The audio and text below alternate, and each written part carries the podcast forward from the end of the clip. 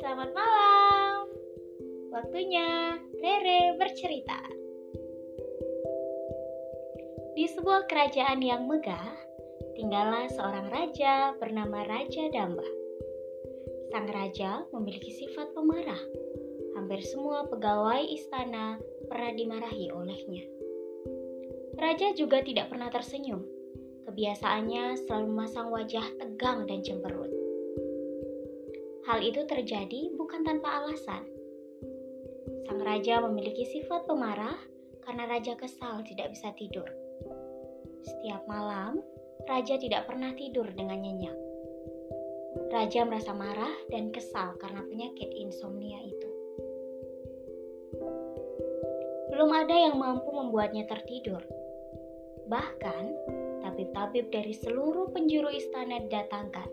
Namun, tidak ada satupun yang mampu menyembuhkan penyakitnya. Berbagai cara telah dilakukan, seperti meminum obat tidur, berendam di kolam sebelum tidur, berjalan-jalan sebelum tidur, membaca buku, dan banyak hal lain lagi yang disarankan kepada raja. Namun, tak satu pun berhasil. Pernah suatu hari, seorang tabib datang ke istana. Dia menyarankan kepada sang raja untuk menghitung domba sebelum tidur. Sang raja mencoba melakukannya. Dia membayangkan ada begitu banyak domba dan mulai menghitung. Satu domba, dua domba, tiga domba, sampai seratus domba tetap saja sang raja tidak bisa tidur.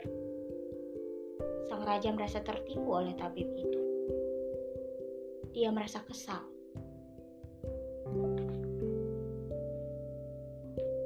Keesokan harinya, sang raja memanggil patih kerajaan untuk mencarikan tabib yang baru.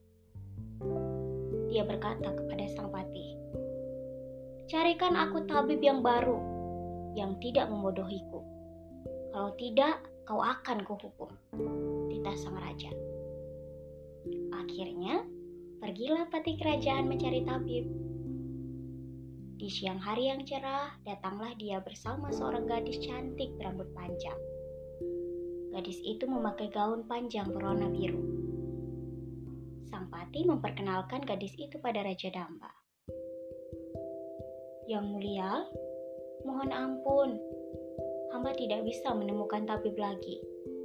Namun, hamba membawakan gadis ini untukmu. Menurut orang-orang di desa Dimbi, gadis ini memiliki sihir untuk menidurkan seseorang. Mendengar itu, sang raja merasa heran. Apakah ada zaman sekarang orang bisa menidurkan seseorang dengan sihir? Sang raja tertawa. Hahaha, aku tidak percaya. Siapa namamu? Sirah apa yang kau miliki? Tanya sang raja pada gadis itu. Gadis itu tidak merasa takut pada raja. Gadis itu memberi hormat dan mulai berbicara. Salam hormat Baginda. Nama hamba Iliana. Hamba tidak memiliki apa pun. Namun jika Baginda berkenan, hamba bisa melakukan sesuatu untuk Baginda agar Baginda bisa tertidur sang raja mulai penasaran. Dia pun bertanya lagi kepada Iliana. Apa yang bisa kau lakukan? Tanyanya. Raja meragukan Iliana karena dia bukanlah seorang tabib. Iliana menjawab, Hamba akan menyanyikan sebuah lagu untuk Baginda. Namun ada syarat yang harus Baginda penuhi. Apa syaratnya? Tanya Raja penasaran. Iliana menjawab dengan bangga bahwa dia ingin tinggal di istana. Dia berkata, Hamba harus tinggal di istana ini hingga nanti malam. Dan sebelum hamba menyanyikan sebuah lagu, Baginda harus menyebutkan tiga hal yang Baginda syukuri hari ini. Mendengar jawaban itu Baginda kesal. Sang raja kesal. Lalu dia berkata, "Apa yang harus aku syukuri?" Aku sudah memiliki segalanya, ucap Baginda.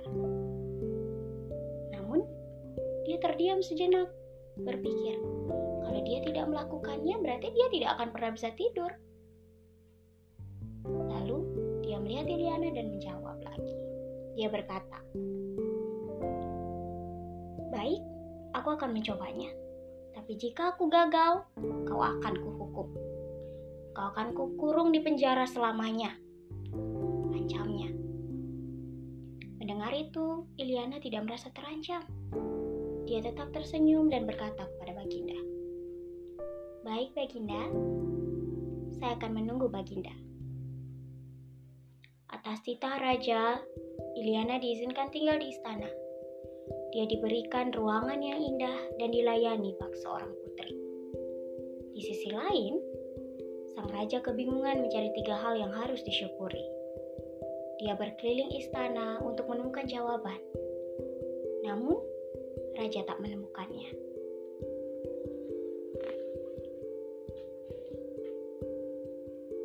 Hingga malam tiba, sang raja belum juga menemukan tiga hal yang harus raja syukuri. Dia cemas menunggu di kamarnya. Tidak pernah dia merasa secemas itu. Setelah beberapa lama, Datanglah sang pati kerajaan dan Iliana menghadap raja di kamarnya. Iliana tersenyum dan mulai bertanya. Apakah yang mulia sudah menemukan tiga hal itu? Tanyanya. Raja Damba menjawab dengan kata-kata yang hampir sama di siang hari tadi. Dia berkata, "Apa yang harus aku syukuri? Aku sudah memiliki segalanya. Aku hidup, Aku raja, dan aku memiliki segalanya. Tegasnya. Mendengar jawaban itu, Iliana mulai tersenyum dan berkata, Itulah jawabannya Baginda, ucap Iliana. Mendengar itu, Raja Damba kebingungan. Apa maksudmu? Tanya Raja. Iliana tersenyum dan menjelaskan kepada Baginda apa yang sudah Baginda sebutkan adalah hal-hal yang perlu Baginda syukuri. Bersyukur karena diberikan kehidupan, bersyukur karena menjadi raja, dan bersyukur karena hidup berkecukupan. Hal itulah yang bisa Baginda syukuri. Bersyukur karena Baginda memiliki segalanya. Mendengar jawaban dari Iliana, sang raja tertegun. Hatinya mulai menghangat Tiba-tiba saja, Raja Damba tersenyum untuk pertama kalinya. Sang pati kerajaan merasa heran. Baru pertama kali dia melihat sang raja tersenyum. Ada hal yang berbeda yang dirasakan oleh raja. Hatinya mulai menghangat dan dia merasa nyaman. Ternyata banyak hal yang perlu disyukuri dalam hidup ini. Melihat hal itu, Iliana merasa bahagia. Dan dia berkata, Baiklah, karena Baginda memenuhi persyaratan hamba, maka hamba akan menyanyikan sebuah lagu untuk Baginda. Mendengar itu, sang raja merasa senang. Seperti biasanya, sang raja mengenakan baju tidurnya, merebahkan dirinya, dan menutupi badannya dengan selimut. Sang raja memejamkan mata sambil tersenyum membayangkan hal-hal yang bisa ia syukuri.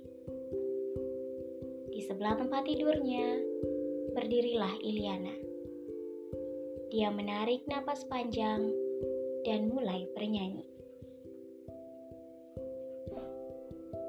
Malam telah tiba saat kita termenung ucapkan syukur. Malam telah tiba saatnya terlelap ucapkan syukurmu kepada Tuhan. Ambillah selimut dan terlelaplah terpejam dalam rasa syukur. Tidurlah, lelaplah, tidurlah, lelaplah, tidurlah, lelaplah rajaku. Tidurlah, lelaplah, tidurlah, lelaplah, tidurlah, lelaplah rajaku. Tidurlah, lelaplah, tidurlah, lelaplah,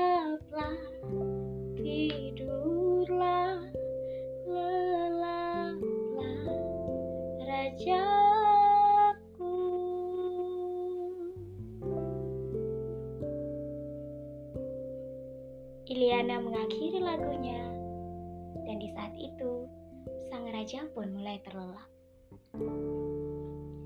Akhirnya, Raja Damba bisa tertidur dengan nyenyak. Rasa syukurnya pada segala hal yang dia miliki membuatnya merasa nyaman.